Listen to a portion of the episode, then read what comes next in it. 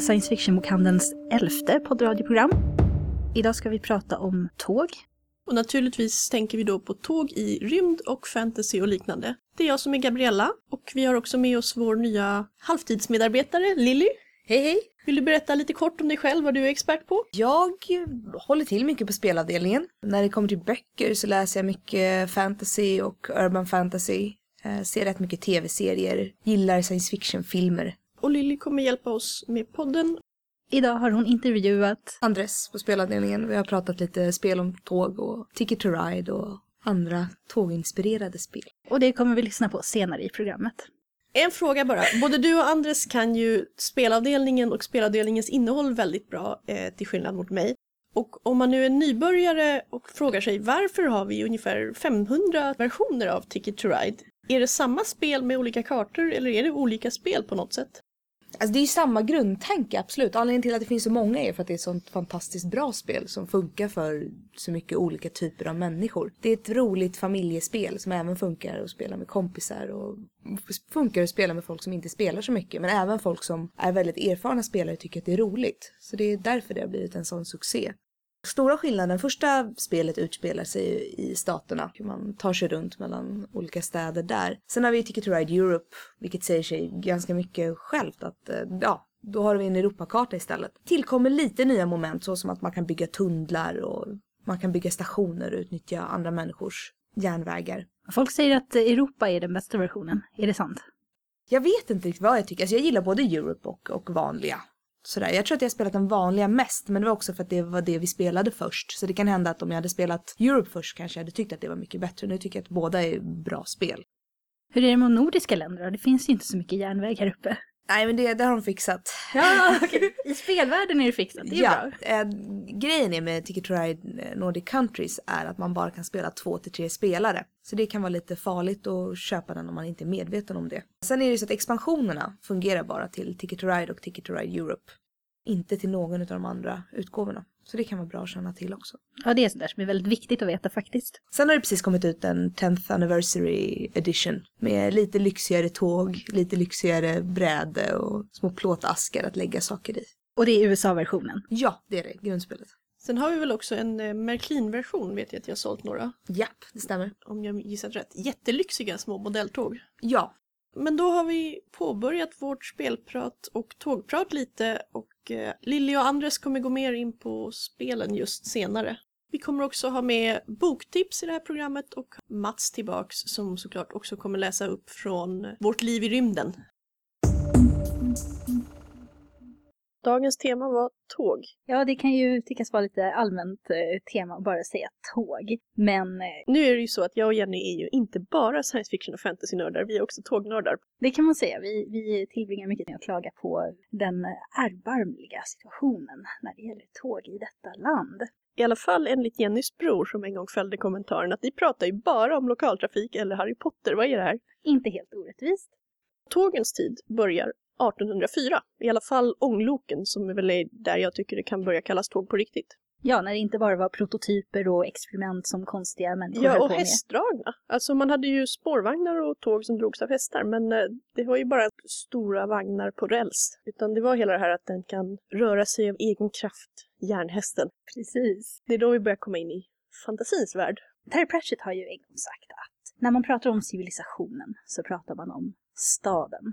Jag skulle vilja säga att man kan lika gärna säga tåg. Den skapar band, drar samman ett land till ett land, gör att folk för första gången kan resa regelbundet mellan olika städer och olika platser. Och det är ju en av de mest romantiska sätten att färdas på har ju alltid framställts. Alla de här romantiska linjerna som Orientexpressen eller Transsibiriska järnvägen. Man hör namnet bara och man känner hur äventyret bara tonar upp sig framför en. Och förvånansvärt lite av det här dyker upp ändå i fantasy. Men det är, det är väl för att, som du säger, det satte igång 1804 tog det sin början i vår värld. Och det mesta fantasy, som vi pratade om i förra programmet, utspelar sig ju i en tidigare pseudohistoria. Ja, inte förrän i talande ögonblicks allra senaste Discworld-bok, Racing Steam, har det ju kommit till skivvärlden heller eftersom Pratchett har slutat stoppa tiden. Det var många gånger i de tidiga böckerna som de till exempel uppfinner Hollywood och filmen i Moving Pictures men sen kommer en stor katastrof och allt återgår till det tidigare. Utan det är när han har börjat låta världen påverkas, postsystemet sätter igång, telegrafen och tåget som den industriella revolutionen tågar in på skivan. Ja, den gör ju verkligen det. Och det känns som att i de tidigare böckerna så pratar man mycket om att det var inte dags än för de här företeelserna. Men nu börjar det bli det, för tiden börjar röra på sig. Men han hade ju en brytningspunkt där, där han bytte genre lite kan man väl säga. Från parodisk fantasy så gick han ju till, ja vad ska man kalla det för? Fristående men ändå socialkritiska och humoristiska böcker på något sätt. Ja, för han kör ju fortfarande med rätt mycket med satir. Men han är mycket mer subtil nu. Plus att han låter världen vara mer än bara... En eh, spegel, som de tidigare skivvärldsböckerna innehåller väl allihop i stort sett. The Discworld, A World and a Mirror of Worlds. Och nu går den sin egen väg lite mer. En annan värld jag får intrycket av har stått stilla rätt länge, men som håller på att förändras i berättelsen som medan läsaren följer är ju den i One Piece, som jag inte tror har ett namn. Men eh, om man har läst One Piece, eller även om man inte har läst den, så kanske man vet att det är en av de absolut längsta och bäst säljande mangerna. Och den handlar om pirater. Jättemycket pirater. I en fantasyvärld. Ja, som mest består av vatten och små öar. Det som kryper fram efter ett tag är att det inte bara är en så här kaotisk woho piratervärld utan det är ganska mycket av en dystopi med en mäktig världsregering som mycket för att de här små öarna inte kan kommunicera så bra med varandra lyckas undertrycka dem utan att kan säga, vanligt folk som bara sköter sitt, de eh, kan ha det rätt bra och förstår inte riktigt vad som pågår. Den berättelsesviten där man börjar se hur mycket världen egentligen döljer och hur mycket förändringar som kommer ske som en eh, effekt av Luffy och hans besättningsresa är ju Water 7 där de också så lämpligt nog håller på att bygga ett havståg. Precis, med räls som går på havet. För det här är ju fantasy, det här är inte science fiction. De försöker inte säga att så här funkar det och därför funkar det. Utan det är så här, nej men vi har konstruerat en räls som går att lägga på havsytan och vi kommer köra ett tåg på den, punkt slut. Precis, för att då blir det att istället för att marinen kontrollerar i stort sett all kommunikation och det verkar ju finnas lite handel men på ganska så här lös och eh, kaotisk grund så drömmer Iceberg som han heter som är den som nu, han är inte den som skapade havsdagen, men han är den som förvaltar drömmen. Precis, det var hans, hans mästare som hade idén från början. Så han, han drömmer om ett stabilt nätverk där folk kan resa och prata med varandra. För det här är ju också en sak med tåg, det gör ju att vanligt folk kan kommunicera på ett helt annat sätt. Jag skulle också vilja säga att det bidrar till den växande medelklassen, att den gjorde det i våran värld och att det skulle kunna göra det lika gärna i fantasy, där annars det verkar bestå mest av adelsmän och bönder. Det är en eh, spännande vändning när man så tittar tillbaks på hela långa One Piece och bara vänta, här hände grejer och där kom tåget. Ja, och sen eftersom det är One Piece så kommer de också, det blir lite tsunami som de slår hål på och sånt där och ett skenande galet havståg och... Ja, det är One Piece, varmt rekommenderad. En annan där, där tågets idé är ganska subtil, det är just Harry Potter om vi ska gå tillbaks till våra tidigare favoritämne. Ja. Men eh, det är ju med Hogwarts-expressen som lilla Harry första gången kommer in i den magiska världen. Eller ja, det börjar med att Hagrid tar honom till Diagon Alley. Vet du hur lång tid det tog innan jag förstod vilket ordskämt det där var när jag läste böckerna på svenska förresten? Jag förstod inte när jag läste på engelska heller först. Det tog ett tag. Man är inte van att tänka i ordskämt, fast vi borde ju vara det så mycket Pratchett som vi läser. Ja, men jag såg eh, först, jag läste böckerna på svenska först, sen såg jag filmen och när jag hörde det så förstod jag, så den, just den biten missade jag inte. Jag tycker det är svårare med när det gäller uttalsskämt. Mm. För att jag har en tendens att uttala ord väldigt fel när jag bara har läst dem och aldrig har hört dem uttalas. Det blir så. I alla fall Hogwarts-expressen som går från plattform 9 och 3 fjärdedel, som numera finns, eller ja, det finns typ en attrapp som man kan ta turistfoton med i London. Naturligtvis finns det. Men där står ju tåget verkligen för en resa från en värld till en annan. Väldigt symboliskt och, och, typiskt just för tåg. Det finns verkligen en anledning att hon har använt just ett tåg. Eh, för det är ju både, den representerar ju verkligen resan till någonting annat. Det romantiska äventyret tar sin början. Mm, och också det här att man kan möta olika personer på samma tåg. Det blir lite en värld i sig. Det här gäller ju alla stora gemensamma transportgrejer oceanångarna och eh, rymdskeppen. Att eh, Harry tvingas springa på både Draco och snubblar in i professor Lupins vagn och så utan att veta om det på ett sätt som det inte skulle gå om alla fick skjuts med bil eller om man bara samlades i en stor skock och teleporterades dit en och en. Det är verkligen betecknande för animen och mangan Galaxy Express av Leiji Matsumoto där de faktiskt har lagt någon slags tågräls genom rymden som tågen åker på. Den åker inte på räls, den bara flyger liksom Galaxexpressen. Ja, riktigt. fast det, det är inte, vad ska man säga, den kan inte flyga var som helst, utan Nej. den går i speciella rör ja, tunnlar den, precis, den som har är osynliga, banor. men den, den går på en specifik bana Mm. genom rymden. Och då. den har sina stationer. Ja, Det, är- alltså det är en väldigt, väldigt konstig manga. Jag tycker egentligen att alla som, som har någon så här uppfattning om att de vet hur manga-stil ser ut borde ju titta lite på Leiji Matsumotos. För man bara, vad är det för märkliga varelser han ritar? Och vad är det som, som händer i den egentligen? Den, den är ju väldigt episodisk samtidigt som det finns en stor historia. Och Ja. den ligger, det är en sån där, eftersom den är rätt gammal det här laget, första versionen, den ligger liksom i grunden hos många andra manga-serier som vi som läsare här tror jag inte alltid alls är medvetna om. nej, jag tycker att det är svårt för västerlänningar i och med att det är så smal genre som översätts till engelska och, och de språken som de flesta här i väst kan. Att vi får en väldigt skev uppfattning om hur manga ser ut och vi vet ingenting om mangas historia nästan. Jag skulle vilja säga att gillar man till exempel Philip K. Dick så gillar man nog Leiji Matsumoto. Originalmangan till Galaxexpressen finns inte att få tag i just nu. Det finns faktiskt den gamla svenskdubbade animen att köpa. Sen finns det på, på DVD också olika versioner av äventyr med Kapten Harlock och rymdpiraten Emeraldas som jag tror är i tryck allihop. Och så finns det ju naturligtvis eh, musikvideorna som han animerade.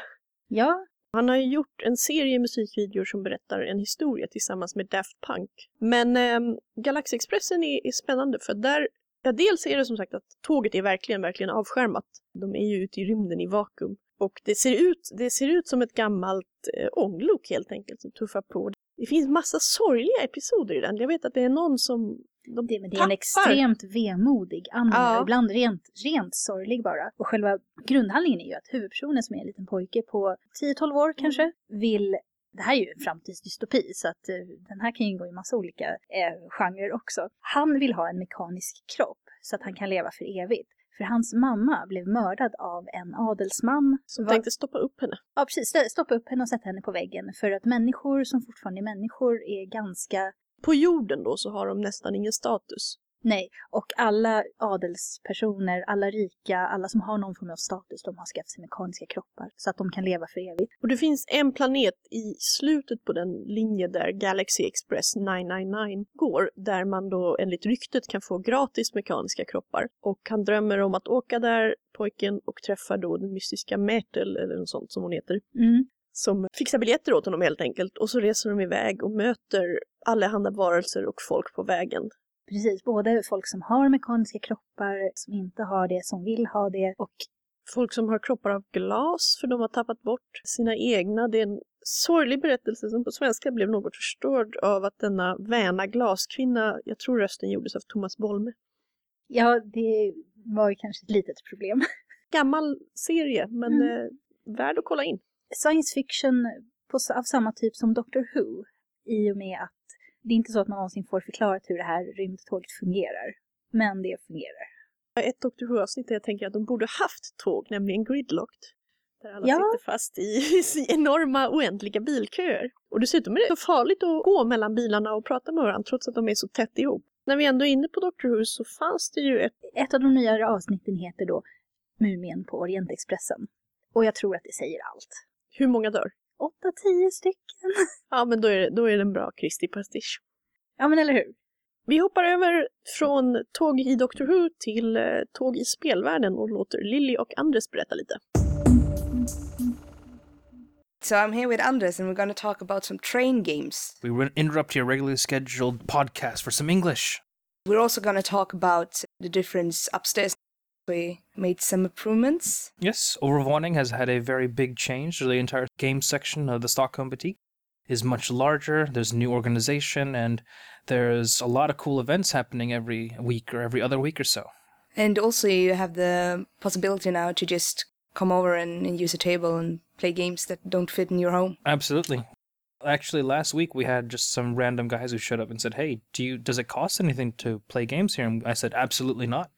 Just grab a table and start playing." And like, "Okay, cool." And they left, and they were back about an hour later, and they had brought their 40k armies with them.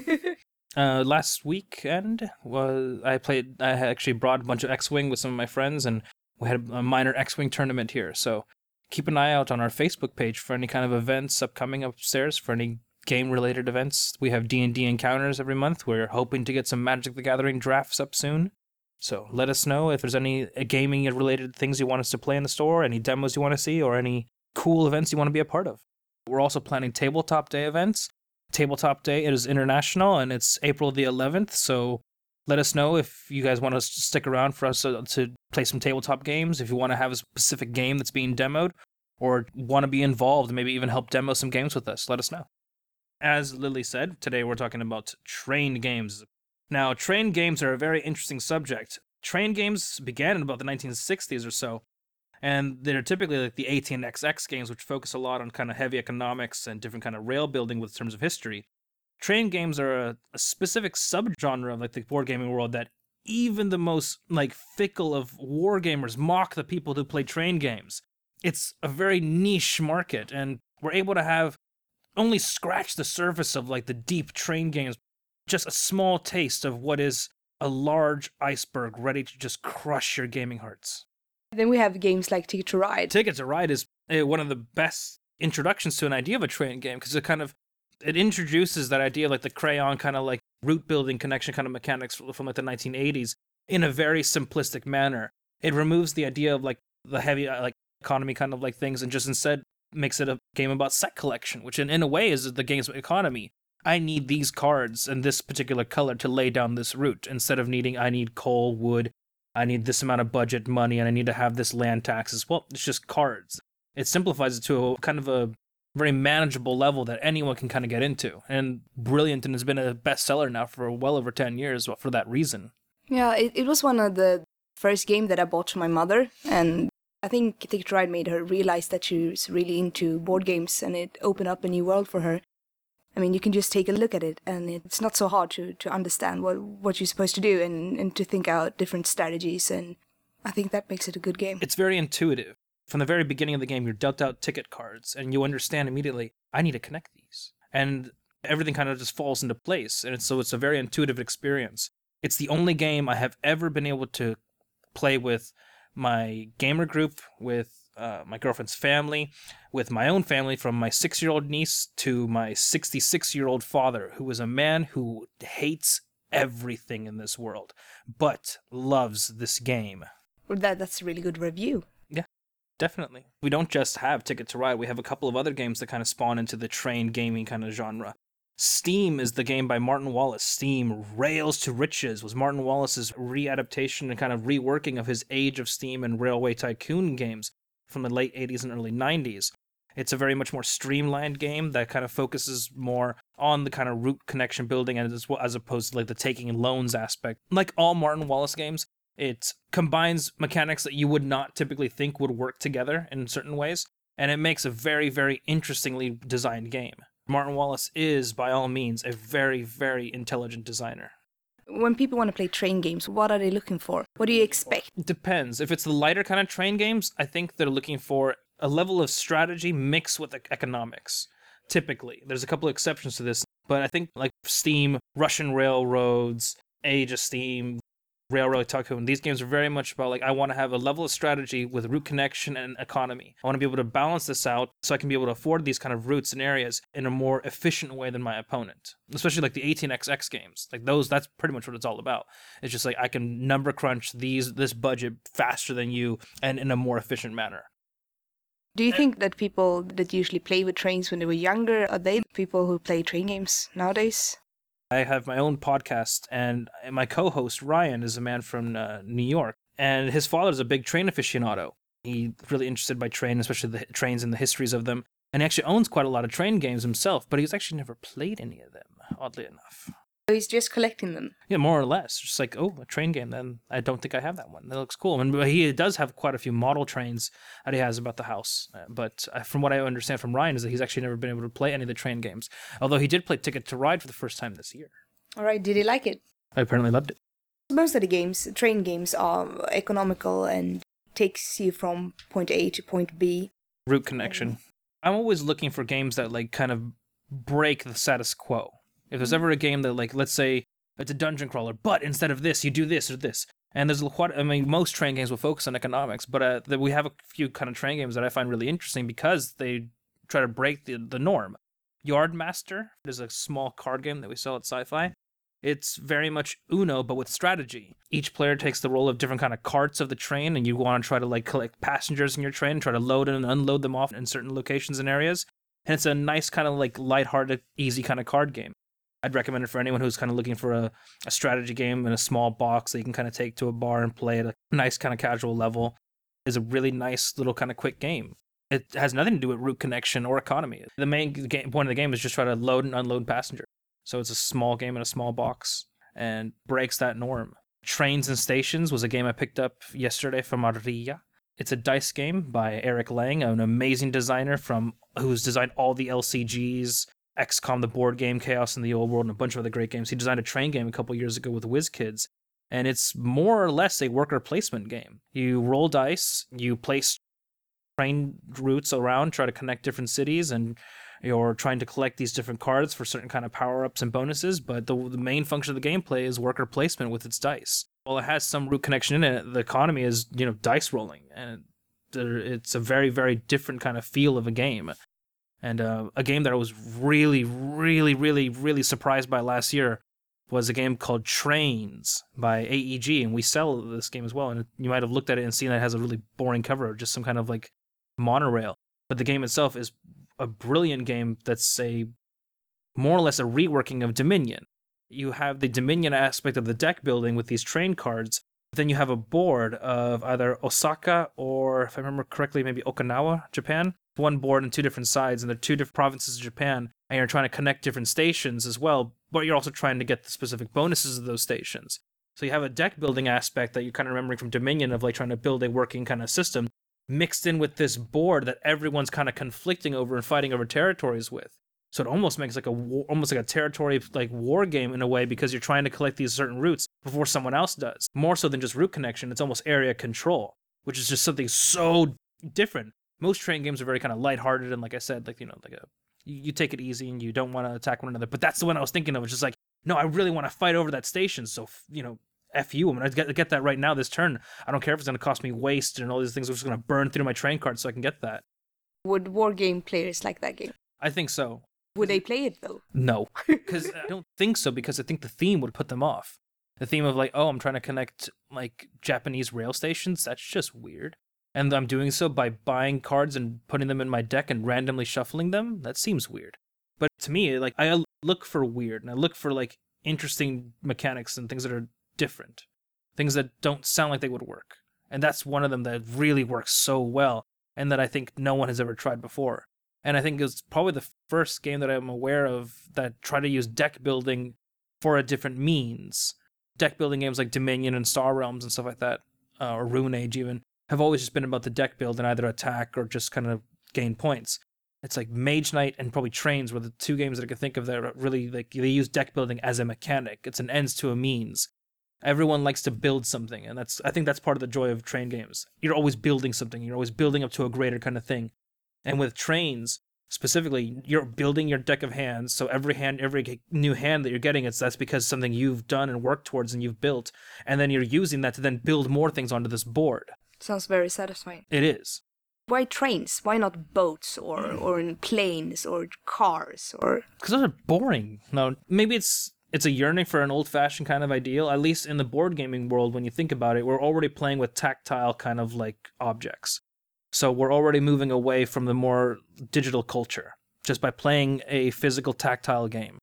And maybe trains kind of like have a certain synonymous kind of feeling of not outdated, but classic. Planes are much more, feel a little bit more modern with their technology. Trains just seem so much more old fashioned, perhaps. I feel like m- most train games, of course, this is a you know a world that w- I can picture and see. It's a train moving down a mountain, and it's you know I've seen trains in my life, or you've seen trains in your life. Maybe you've ridden, we've ridden on trains to s- other cities here and there. So it's a much more kind of like tangible existence. And how about subways or other type of Well, trains? like uh, trains, like I said, that that board card game that's amazing itself is more monorails because it's the modern kind of trains that are existing in modern day Japan. It's not like Martin Wallace's Steam, which uses much more the old fashioned coal kind of like trains that are long since since been retired for environmental reasons. We have a lot of cool train games here at Sci Fi. games with train kind of themes. We don't really have so much of the ATNXX and the kind of like the heavier kind of like train games. But if you're at all interested, please let us know. Could we order them? Absolutely. Because they're a very, very niche market. Uh, Puffy and Billy's is a community of kind of like people that only play train games that exists. It's like this almost like sub community in within the board gaming world. They only play like the really heavy train games. And like I say, even like the heavy war gamers, like no friends, make fun of them. Still think that the Puffy and Billy's are a bit too far. Thank you so much. yeah, sure. Bortom tåget som den så här, de fria resans och upptäcka nya världens grej så finns det ju också tåg som i tunnelbanor, hela idén med tågtunnlar där det blir mer klaustrofobiskt och instängt. En av dem som jag tycker gör det allra bäst just klaustrofobiskt det är ju Metro 2033 där det egentligen inte finns några tåg kvar men mänsklighetens sista spillra lever i Moskvas tunnelbanesystem som på riktigt är byggt för att motstå ett atomkrig. Och det har det uppenbarligen gjort. Det är lite luddigt men jag tror att de kikar ut någon gång och, och ser väl den röda stjärnan som så här glöder mot någon slags himmel fylld av grejer och det är onda mutanter och eh, de stackars människor som bor kvar går runt under världen i tunnlarnas mörker och odlar svamp mer eller mindre. I övrigt så är den ju skriven som en väldigt enkel så här, det är en ung kille från de lantliga trakterna, en av de sista stationerna på linjen, som måste rädda sin värld från ondska och hemskheter och någon slags zombieaktiga saker som kommer från tunnlarna bortom. Ja, jag tyckte att den lät eh, jätterolig och intressant, så började jag läsa den och så kom jag fram till den punkten där det stod och alla kvinnor bara satt hemma och odlade svamp och då tänkte jag ja, men det kanske Ja. är värt att läsa ändå. Alltså jag tycker det är värt att läsa, om inte annat bara för att det är en eh, fattig bondpojke som inte kommer från pseudo-England utan som faktiskt bor under Moskva. Liksom världsbyggandet är roligare än historien. Sen eh, hjälper det mycket att ha de jättefina svenska inbundna utgåvorna där man får med en karta och kan sitta, för det är så himla mycket stationer. Jag bara, vad ligger det här? Så bläddrar man, så tittar man. Jag har däremot inte läst de semifristående, vad ska man kalla dem, officiella fanfic-uppföljarna. Han har lämnat världen öppen för andra författare har jag förstått. Och vi har ju ett par stycken av han Jakov, heter han inte så? Resan Ja. till ljuset och Resan till mörkret som fristående fortsättning. Och eftersom det är ganska få hållpunkter, alltså det är inte som Star Wars-romaner och så där de måste ändå följa väldigt mycket regler och redaktörer, så kan det ju hända att någon av dem faller oss bättre i smaken. Ja, man kanske ska testa någon av dem då. Kan man ryska så finns det jättemånga sådana där, men eh, de har bara översatt två av dem till svenska. Jag tycker det är en kul idé att, att utnyttja. Det är inte riktigt samma sak, men jag gillar ju Gamens Neverwhere som också pågår inte bara i tågtunnlar utan i hela undre London. Det finns ju ett tåg som går där till exempel och Och tunnelbanestationerna är viktiga. Han använder dem som Precis. identifikationsmarkeringar på något sätt. namnen har tagit, fått eget liv och påverkar vad, vad det är för slags platser. London som plats är ju väldigt eh, stor inom urban fantasy-genren också. Neverwhere faller ju väldigt mycket i urban fantasy. En annan som har skrivit om London som en egen figur nästan är ju Ben Aronovich med Whispers Underground. Tredje delen va, i Rivers of London-serien. Ja, tredje delen. Som namnet antyder så går de ner i underjorden och hittar ett, ja, en massa hemligheter i tunnelbanesystemen. Men Det är både tunnelbanesystemet och avloppssystemet. Det bor varelser där. jag tror det är därför också jag ändå, trots alla problem jag tycker Metro 2033 har, så är jag lite vänligt inställd mot den just för att den väljer en annan stad. För jag har läst så mycket, både bra som både Aronovich och Gaiman är också en ganska dålig Londons, londonesk urban fantasy. Äh, Amerikas städer har inte så mycket, inte om man håller på med tåg och så, det finns, det finns myter om olika grejer i New Yorks undre system, men många av dem saknar helt enkelt tillräckligt mycket av den infrastrukturen för att det ska bli en del av stadens ikoniska bild. Du har ju läst China Mieville också. Han har väl lite tåg? China Muville tror jag älskar tåg, för han har skrivit det flera gånger. Hans första stora, hans genombrottsverk skulle jag vilja säga, är Perdido Street Station. Det hör man ju på namnet där vad det handlar om. Ja, okej, låter som en författare för mig också.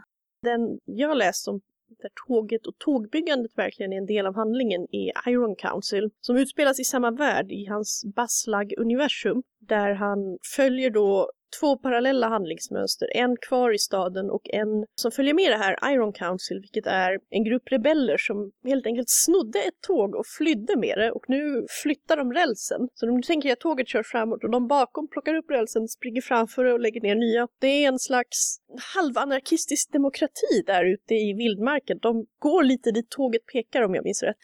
Det var riktigt spännande för att å ena sidan vet de nämligen att de har flytt den här stan. De vet att de inte, du vet, fullföljde revolten för de höll på att bli krossade. Men å andra sidan är de ju fria. Och det är en problematik i det.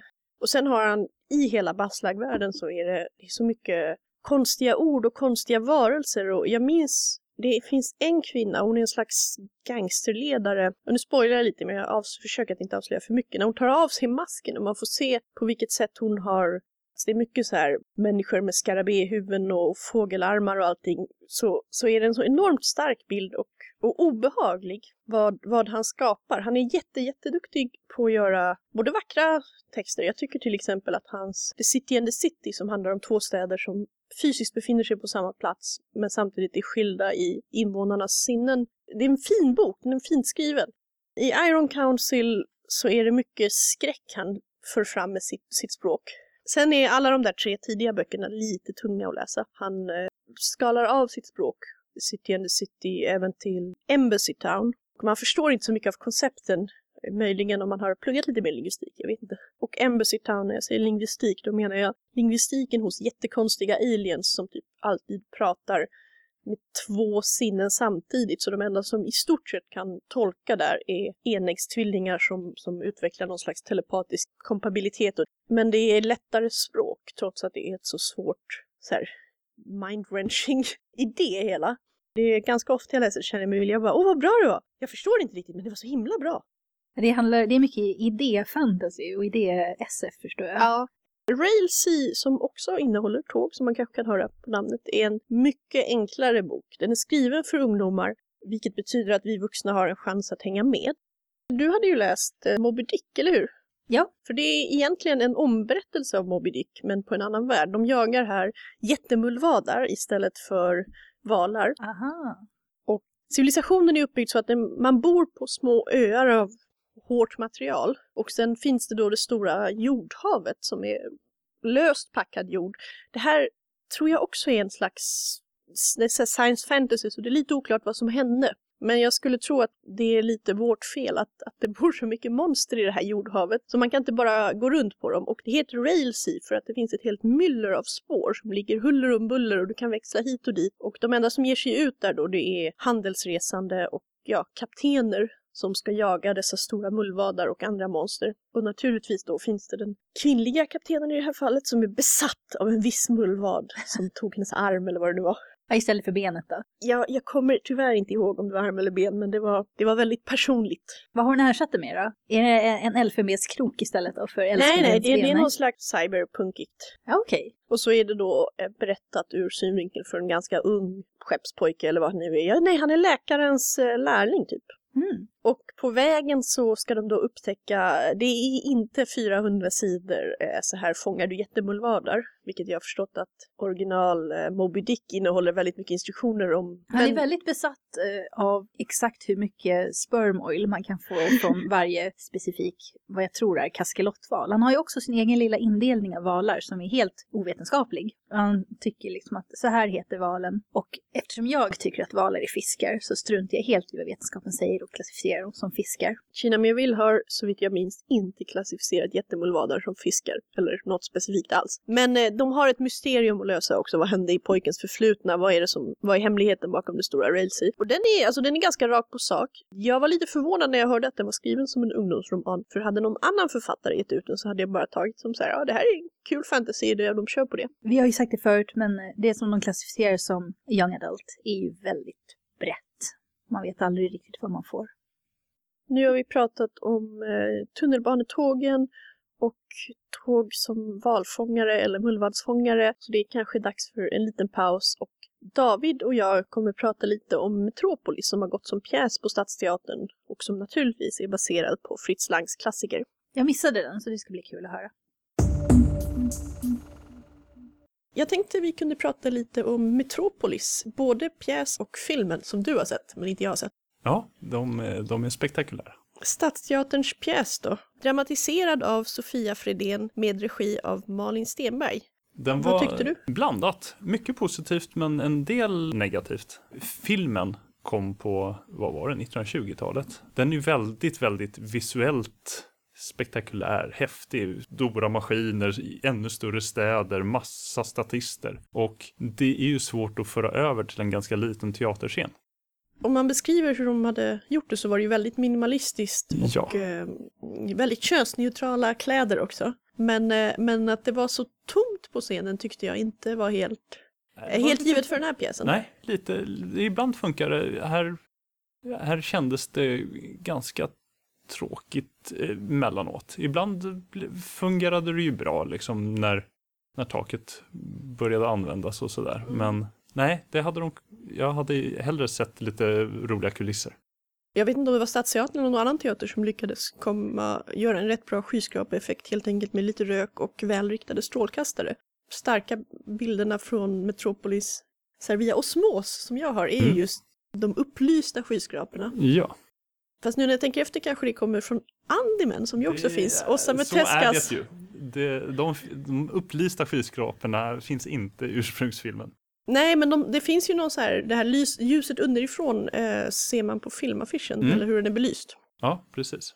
Alltså, den gamla filmen är ju väldigt häftig för att den känns ganska, liksom, den känns förhållandevis modern i sin framtidsvision med de här stora skyskraporna och så, även om det är propellerplan som cirkulerar runt om och sådär. Och när man ser roboten i gamla Metropolis så ser man ju direkt att så här, ja, någon som gjorde Stjärnornas krig har tittat på Metropolis när de gjorde Free CPO. Ja just det. I pjäsen så kändes även roboten lite anonymare. Jag tyckte att ja, Robot-Maria, som tydligen spelas av Liv Mjönes, var väldigt bra när hon var så att säga fake-människa. Ja, det håller jag med om. Men Liv, eller vem det nu var som spelade henne som robot, ja, det var som du sa, det var rätt anonymt, det var de här stela robotrörelserna som, det är det också, om en film kom ut 1927 och en pjäs görs nu så finns det ju lite fiktiva robotar Ja. däremellan att ta hänsyn till.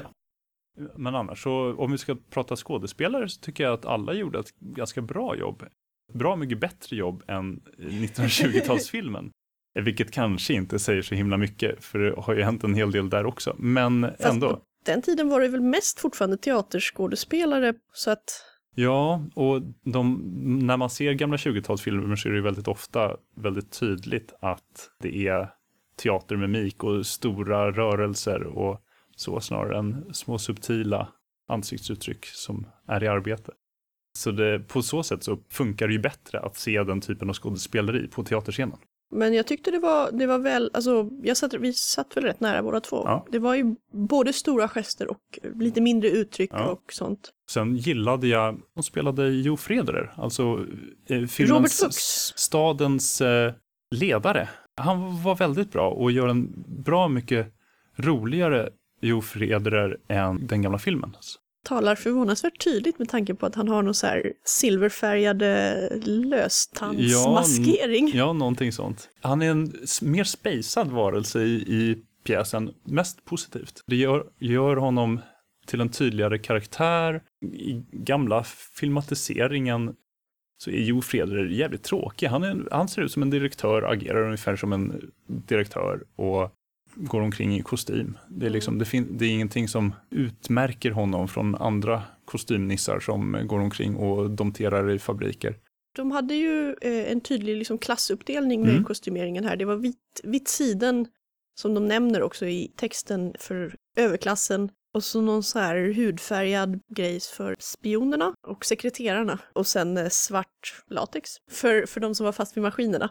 Jag gillade den stackars desperata sekreteraren Josafat som slängs mellan förtvivlan och mer förtvivlan. Ja, det var ju en av de rollerna som har lite djup i sig på något sätt också. De Mm. andra är ju så väldigt papperstunna. De är mer sym- så symbolroller. Ja, och sen gillar jag, vad hette han då, Groth. Den skådespelaren gjorde ju flera mindre roller vid sidan av också. Och det var kul att se hur han lyckades arbeta med kroppen och mimik och bl- bli helt olika personer beroende på vilka, vilken roll han var i. Väldigt imponerande. Det var Christopher Kamiyasu som vi har sett i något annat också på Stadsteatern som alltid var rolig. Det, det jag gillar minst med både filmen och pjäsen, det är egentligen berättelsen i sig. Den är här, ganska fånig, ganska tunn. Filmens slut tycker jag är ganska intetsägande. Ett antiklimax. Där har de förbättrat teaterns slut aningen, vilket jag ger två tummar upp till, utan att säga för mycket. Men annars så är det ju, filmens behållning är ju kulisserna och de stora maskinerna och alla statisterna. Och på teatern så var det ju delvis ljudet, tycker jag. Ja, det var jättebra syntigt elektro-soundtrack. Ja, och bra rytmiskt sådär för att markera att de är nere i maskinhallen och, eller liknande. Jag tyckte att en av de lite svagare delarna däremot, vilket är synd med tanke på att ljudet var så bra, var just dansmomenten. Mm. Där min stora kritik var att det var lite för likt. Det är flera inslag av abstrakt dans för att visa olika scener som inte, inte är så väl, alltså den är inte så väl karaktäriserad. Nej. säga. Alla gör lite likadant. Nej, jag, jag håller med. Det, ibland funkade det, tycker jag. Som när, när de är uppe i Jo Freders eh, byggnad och eh, eh, hans sekreterare liksom dansar fram eh, eh, si, sina arbetsmoment i bakgrunden lite. Då tycker jag det fungerar väldigt bra. När de är nere i maskinhallarna och de ska slavdansa eller något så Mm. fungerade det lite sämre. Ja, precis. Men det här är den andra stora science man ska säga, som jag sett på Stadsteatern. Den förra var Aniara, som jag tyckte på många sätt var bättre, men jag tror det är för att den har en ganska gripande historia. Den är bara lite jobbig att läsa eftersom det är på vers hela. Jo, jag har faktiskt inte kommit igenom den, även om Nej. jag har försökt. Men eh, det är kul att de tar några av de här stora SF-klassikerna Ja, och försöker verkligen. göra, bearbeta på teatersätt. Det skulle vara så kul att se om de fortsätter eh, även om några år med något annat. Kolla Queen kanske. Brave New Worlds. Star Trek. Ja. Vi pratar ju lite om tåg i manga och anime. Det finns rätt mycket, men eh, det där är ganska typiskt för japaner, för de har rätt mycket tåg i sina tv-spel också. Och de har ganska stor betydelse. Jag har ju spelat, eh, jag ligger lite efter, men i Kingdom Hearts-spelen som kom ut de senaste åren så har vi ju eh, framförallt i Kingdom Hearts 2 då, det här tåget som eh, de först tror kan vara ett slags spöktåg, men som tar personerna från en värld till en annan. Där har också tåget en väldigt stor betydelse av att vi är i en värld och nu ska vi till nästa och det är det enda som kan ta sig igenom barriären. Och likaså skulle jag vilja säga i, för att ta en helt annan spelserie, Silent Hill, Silent Hill 3 mer bestämt, när huvudpersonen ska bege sig hem igen så måste hon ta tåget. Och det tog en rejält lång tid innan jag fattade hur man skulle ta det där tåget också. Men när man väl kommer på tåget så måste man inte bara sätta sig där utan man måste också ta sig igenom tåget. Och man kan inte vända om, för om man försöker göra det så upptäcker man att den biten av tåget är för alltid borta. Spöklikt. Ja.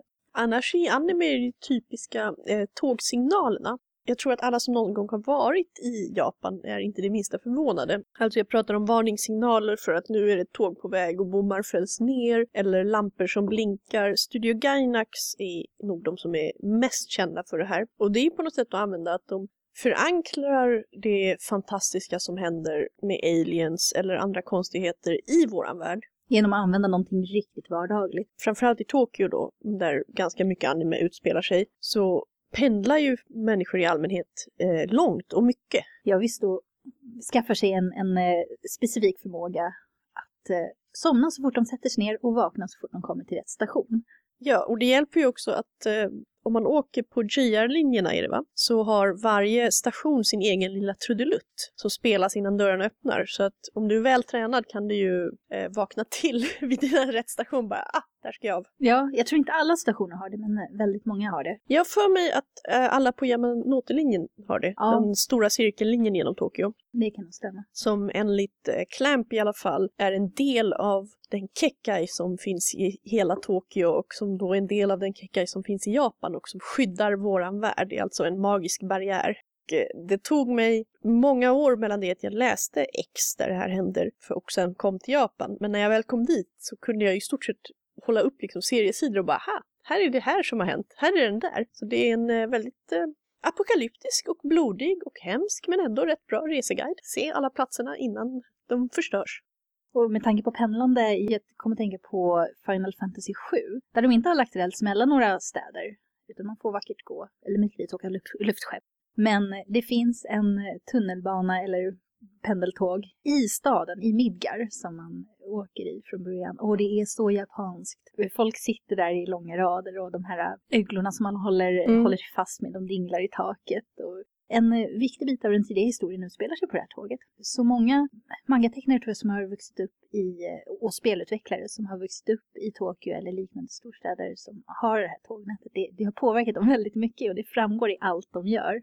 Det märks ju också i Spirited Away så har vi ett tåg och det går ju liksom ute på landet. Det är ett typiskt eh, ja, lantligt tåg och det är en konduktör som river av en liten biljett och sådär. Man kan ju se i många av Hayao Miyazakis filmer hans nostalgi för det förflutna och för landsbygden. Och även eh, den andra regissören från Ghibli har det. Jag tror att det är tågresande i, jag får med att det är Only Yesterday, jag minns inte vilken annan de har det, men när hon åker ut på landet i alla fall. Just det här stadiga ljudet av tåg är en, en effekt, alltså som jag hör nästan bara i anime. Och eh, det som man ska säga om våra genrer där det vanligaste är med tågen, det är kanske vilda västern fortfarande. En av de som har skrivit över det universumet till våra böcker så att säga är ju Stephen King i sin Dark Tower-serie som börjar med The Gunslinger. Det är, alltså jag tycker det är ett helt, helt briljant eh, verk. Den har också sina svagheter. Han har ju skrivit den över väldigt lång tid, nästan 30 år. Och det svajar lite med eh, näst sista boken där, hur, hur han ska knyta ihop det. Det märks. Det här som är väldigt typiskt när man skriver en lång, stor serie, bara oh shit, nu måste jag göra ett riktigt episkt slut. Men den börjar väldigt bra och han ger sig fullständigt hän åt att eh, ha med en massa, inte ordlekar, men eh, leka med ordmelodier och dialekter, vilket King är väldigt bra på. Jag har ju svårt att läsa Stephen King för att han skrämmer mig så himla mycket. Men det här är väl en ren fantasyserie? Det finns lite halvspindeldemoner som äter folk och sånt där. Och eh, monster i tågtunnlar som är mutanter under jorden. Det är någonting där med tunnlar och mutanter. Men oftast är det inte monstren som är problemet, utan det är på något vis hans skräckböcker som gör vardagen till någonting alldeles fruktansvärt hemskt.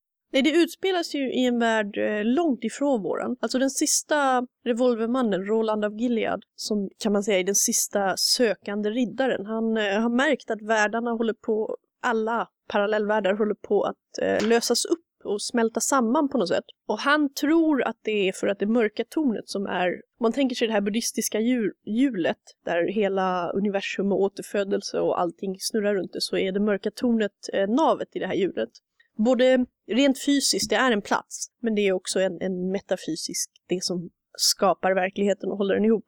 Och hans egen verklighet är på många sätt förstörd. De här eh, revolvermännen som man nästan anar är en slags arturianska riddare utan att det egentligen finns någon Artursaga. De bara är nobla och ädla och så. Eh, de har förstörts, förintats allihop och vi får reda på varför mer eller mindre i tredje boken. Så han ger sig ut för att söka, han plockar upp pojken Jake när han går genom öknen för att jaga mannen i svart och för att ta reda på vad som har hänt. Och sen i den tredje delen, The Wastelands, den är mycket han lånar väldigt många bilder och eh, metaforer från Eliots dikt och en annan äldre dikt som heter Child Roland to the Dark Tower came. Så ger de sig då ombord. Roland, Jake och två andra följeslagare som kommer ur vår värld men har trillat in i den här alternativa världen, andra verklighet, jag vet inte vad jag ska kalla den. Och de möter ett vansinnigt tåg. De kommer nämligen in i en slags framtidsstad, för tiden håller också på att lösas upp och smälta samman sådär som den gör när verkligheten lägger av. Ja, alltså den, den här handlingen låter ju ganska lik eh, handlingen i Kingdom Hearts för övrigt. Det var också problem med världar som håller på och framförallt i Kingdom Hearts 1 när världar håller på att styckas och flyta omkring i bitar och fogas ihop på konstiga sätt. Det där har gått lite längre. Ja, här är det mer, de verkar ju liksom röra sig mellan olika verkligheter och allt bara tar slut och faller. Och den stora framtidsstaden med, med skyskrapor och så, den har degenererat till att de överlevande håller på och slåss om resterna. Det är väldigt typiskt postapokalyps. Och det finns då ett tåg, de byggde två AI-tåg tror jag som skulle kunna köra själv, som de är tvungna att ta. Och de går på tåget och måste i stort sett spela det här typiska, de, man, man du vet, rider tigern och de bara hur ska vi komma av? För, för det blir rätt uppenbart att om de inte lyckas underhålla tåget och lura den att göra som man vill så tänker han bara krascha dem när de kommer fram till slutet. Så det är bara en station. The Dark Tower-serien lånar jättemycket av sitt eh, bildspråk också från vilda västern. Jag tror att de är mindre läskiga än Stephen Kings skräckböcker brukar vara, men jag brukar inte tycka att hans böcker är alltså, läskiga på det här sättet att jag inte vill läsa dem. Jag blir skrämd på ett behagligt sätt. Jag vet inte, det, hans monster är inte så läskiga i sig. Det är mest hur han lägger upp det. Så att eh, jag får väl helt enkelt pröva och se hur det går. Annars har vi ju, om man eh, pratar om monstertåg så har vi även det i, i eh, tv-spelet, det gamla Final Fantasy 6. Det enda tåget som jag minns dyker upp i det spelet, det är, det är spöktåget. Tåget som för de döda till den andra världen som man måste ta och man blir jagad av lite spöken och sen måste man slåss mot tåget för att det är också galet. Ja, alltså jag vet inte vem som först kom på det här idén med det- det skenande tåget och att du på något sätt måste besegra tåget i sig för att komma av. Men, idé. men det känns bekant. Ja, det här spelet är ju från tidigt 90-tal. Ja, det är till gamla Super Nintendo i alla fall. Jag Mm. kommer inte ihåg exakt vilket år det kom ut. Men det är knappast första gången idén dök upp. En till måste jag nämna bara. Nu kommer jag inte ihåg exakt i vilka av hans böcker det är, men jag vet att det nämns bland annat i The Cat Who Walks Through Walls så har ju Robert Heinlein ballistiska falltunnlar där du typ skjuter iväg tåget inuti vakuumrör och sen så när det landar då så ska det bromsas och då sparar du all energi så du kan hålla på och skjuta de där supersnabbtågen fram och tillbaks och det, det, är inte som den tappa här, energi. Det är som den här Paypal-magnaten Musk eller vad han heter vill skapa. Jag tror det. Och det är lite samma idé med eh, rymdhissen också, att man ska kunna liksom lyfta saker upp och ner ut ur vår gravitation för att på ett sätt som utan att det går åt så mycket energi. Från tillvägagångssätt att ta sig till rymden så ska vi nu höra Mats prata om vårt liv i rymden. Morgonpigga kunder 2 Februari Gråtunga skyar över Västerlånggatan. Regn eller kanske snö i luften som hotar att falla. Men nöjer sig med en enstaka droppe här, en annan där. Kaffekoppen i handen, dagens första klunk. Tillvaron är svartvit. För varje klunk bryggmalet beskt kaffe får hus och människor himlen färgen åter. Mest februarigrått, men i alla fall. Hålet i gatan är lagat. Andys fruktbil rullar förbi. Ett cykelbud. En sopbil stannar till och fyller buken med svarta matavfallssäckar, tuggar och sväljer, rapar belåtet och rullar vidare mot nästa restaurang och nästa. Tystnad. Stockholm brusar i bakgrunden. Men se! Där borta nalkas dagens första barnvagnsman. Och någonstans i gränderna hörs finska tungomålet talas. Cinderella eller Birka Paradise har angjort Stadgårdshamnen, släppt lös nattens fångst av shoppingsugna Östersjöresenärer som styrt stegen mot närbelägna Gamla stan. Spaning ö, och stereotypvarning. De flesta finländska turister är familjer med otäckt överenergiska barn som förtjust ropar Minecraft och Darth Vader när de får syn på vårt skyltfönster. Fast på finska med långa och många vokaler. Föräldrarna, något mer dämpade, ser sig förundrat omkring och undrar vad det är för värld de klivit in i. Andra är yngre, svartklädda och har t-shirts med märkliga budskap.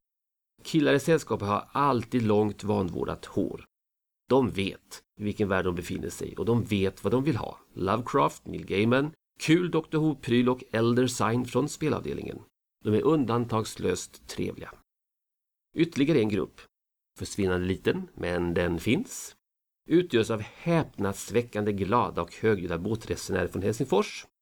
Alkoholstarka ölburkar märkta 7,2 och 8,1 är deras signum och andedräkten kan slå omkull en vuxen man eller kvinna på fem meters håll.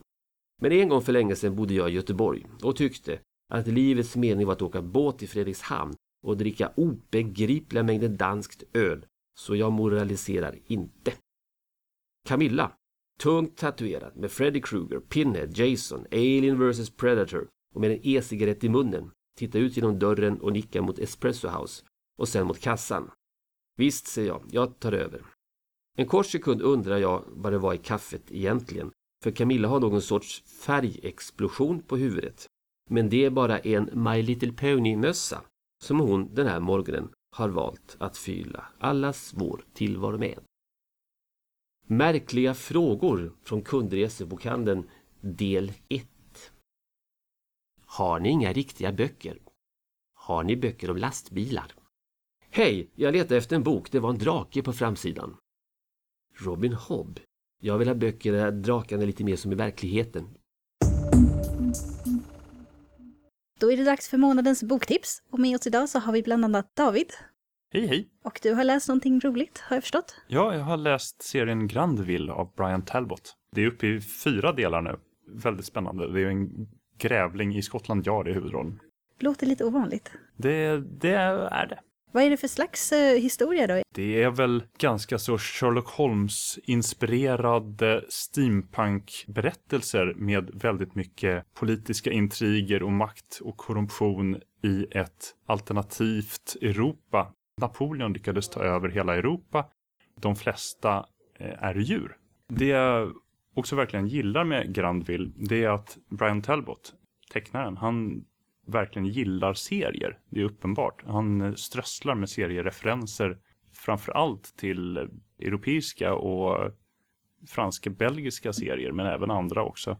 Genom att smyga in små Kalanka och Tintin och Spirou i små statistroller i bakgrunden. Ja, de är med i serien alltså? Nu i fjärde albumet så är Lucky Luke en av eh, huvudpersonerna. Fast Det är det, det, det, säg, det sägs ju aldrig, men det är uppenbart. Okej, det låter som bara bra ingredienser här. Precis. Ja, det var en väldigt bra rekommendation. Gabriella, du har också läst någonting kul? Ja, jag har faktiskt också mest läst serier sen sist. Jag har läst eh, Assassination Classroom, en eh, rätt ny manga på den eh, engelskspråkiga marknaden. Det har väl kommit ut två delar. Som handlar om en alien som är en lärare i en så här typisk problemklass. Och eh, problemklassen måste mörda honom för alienen har sagt att han ska ha ihjäl hela jorden om ett år. Men till dess så är han en väldigt bra och pedagogisk och uppmuntrande lärare. Det är en jättekonstig manga och jag misstänker att alienen inte alls är en alien utan någon slags experiment från militären. Och det är hemligheter och så men än så länge så är det bara så här ganska charmig. Eh, han lär studenterna om att ta livet av honom och en eh, massa annat om, om livet och vara snälla mot sig själva och plugga bra och, och den är konstig men den är rätt kul. Tycker om den och jag förstår varför man vill läsa mer för de portionerar ut eh, liksom små bitar av karaktärsutveckling och hemligheter på ett ganska bra sätt. Den eh, rör sig också rätt eh, fort vad jag sett. Det, det är ju ett, ett, ett årsgräns och till skillnad mot många andra långkörare i Shonen Jump så rör sig det här året ganska fort. I Japan har de väl ändå kommit 8-9 månader in. Så det är en Jump-serie alltså? Ja, den säljs väl som Shonen Jump Advanced har jag för mig att det stod på den, men det är en Jump-serie. Lilly, du har också läst en ny bok. Jag är hyfsat ny i alla fall. Thieves Magic utav Trudy Kahneman. Och jag blev positivt överraskad. Jag mer så här ramlade över den. Var, jag hade inte egentligen tänkt att läsa den, så bara blev det så. För att jag var inte så jätteförtjust i hennes... Hon har ju skrivit Black Magician Trilogy och den har ju fått en uppföljare som utspelar sig massa år senare. Är det den som börjar med Ambassadors Mission? Stämmer. Jag blev lite besviken där, för att jag, jag tyckte inte riktigt att de höll. Men blev positivt överraskad, verkligen. Den var lite hård att komma in i, men eh, det var en, en ny typ av värld. Och den är väldigt steampunk-inspirerad. Eller utspelar sig i två världar framför allt. Varav den ena är väldigt steampunk, rakt av. Och den har ingenting att göra med de första två trilogierna som hon har skrivit. Den handlar ju om olika världar, vilket gör att man, eller jag i alla fall som läsare fick känslan av att någonstans i något annat universum så pågår även eh, historien om Sonia och Akarin och sådär. Hon har lämnat hål för att det skulle kunna vävas ihop senare. Är det också ungdomsfantasy som hennes andra böcker? Jo men det är det nog. ja, det är inte jätteavancerat. Man behöver inte fokusera så mycket för att hänga med i storyn. Nej, det går fort att läsa och spännande och sådär. Precis. Vad handlar den om då? Det får man följa en ung tjej i någon form av ökenstad som går i någon form av religiös skola samtidigt som det härjar någon som, eh, som använder sig av magi i staden. Och det är fullständigt förbjudet, det är bara överste prästerna som får använda magi. Vad storyn lider så börjar hon inse att hon även besitter magi och det får man absolut inte. Det, det ska inte vara möjligt. Problemet är att magi lämnar spår. Det lämnar som en, en void, ett svart tecken. Så att det går inte att göra osynligt. Och sen så samtidigt får man följa en helt annan värld med en ung kille som går i en helt annan typ, eller går i en magikerakademi istället. Eh, där de flyger flygmaskiner med hjälp av magi och hela staden drivs av magi i stort sett. Så att det är verkligen kontraster. Där används magi till allt. Och det här är första delen i en trilogi. Ja, det ser ut så. Jag har läst en till serie som jag tyckte var jättebra och det var Naoki Urasawas Master Keaton som har kommit ut nu efter många års väntan. Den eh, har jag bara hunnit börja så den har verkligen inte gjort så mycket i bok ett. Men det verkar vara ett intressant mysterium. Huvudpersonen jobbar deltid som lärare i Japan men framförallt så är han då specialist inom komplicerade försäkringsärenden som har med arkeologi och historiska fynd och sånt att göra. Han åker runt till olika platser för att se om ja, det som de tror är ett gammalt eh, viktigt dyrt fynd verkligen är så dyrt som de vill försäkra det för och sen utreder han när de misstänker att det är något skumt på gång och har även lite problem med sin dotter och sin exfru. Mysteriet har satt igång men som Urasawa brukar berätta så förväntar jag mig att det dröjer ganska länge innan vi får personlighetsutveckling på djupet. Framförallt som det här är en lite äldre serie tror jag. Den är bra om man gillar deckare mysterier och han ritar ju alltid väldigt, väldigt bra. För folk som vill ha lite mer filmisk och realistisk manga så bör man absolut kolla in alla hans serier. Det här är ju också snarare en eh, ungdoms ungdomsmanga som vi har mest av, så är det ju en vuxenmanga. Själv har jag nu läst ut A Natural History of Dragons av Marie Brennan. Och den var en väldigt annorlunda fantasy, vi som pratade om det i förra programmet. Den är inte medeltida, det är inte ett feodalsamhälle. Eller än så länge så har det inte ens dykt upp någon magi, så jag vet inte riktigt vad man ska kalla det för slags fantasy. Men den har drakar? Den har drakar. Drakarna är ett, fortfarande ett ganska stort mysterium. Det här handlar då om en ung kvinna i inte England, i inte viktorianska, inte 1800-talet, som åker till inte Georgien kanske, som styrs över av inte Ryssland som har skickat dit lorder som typ förtrycker folket. Och där finns det även eh, drakar. Det finns drakar i hela världen, men eh, den första expeditionen som hon är med i går till det landet. Det börjar med att hon som liten flicka blir väldigt fascinerad av drakar för hon hittar i sin pappas bibliotek en, ett uppslagsverk om drakar. Ju äldre hon blir, desto mer upptäcker hon att man vet egentligen ingenting om drakar. Folk hittar på lite efter vad de tycker borde vara sant. Och hon är då väldigt vetenskapligt lagd och vill forska inom det här. Men det här är en värld där kvinnor inte riktigt har samma rättigheter som män. Och hon kan inte själv bege sig iväg på expeditioner, hon kan inte utbilda sig till det här. Så hon måste då ta hjälp av män, sin pappa och sin framtida make då, för att kunna bli någonting. Boken inleds ju med att hon berättar tillbaka om sitt liv. Det är ju en, en självbiografi det här. Eller den är skriven som en självbiografi. Eh, hon har ju då lyckats, det förstår man ju redan i första kapitlet. Men det har varit ganska svårt för henne. Hon har fått göra det på ganska okonventionella sätt. Väldigt bra tycker jag, väldigt spännande. Därmed avslutar vi vårt tågspecialprogram. Vi hör gärna om någon har åsikter på att vi har haft en så här nischad och genreöverskridande ämne, om ni tyckte det var bra eller dåligt.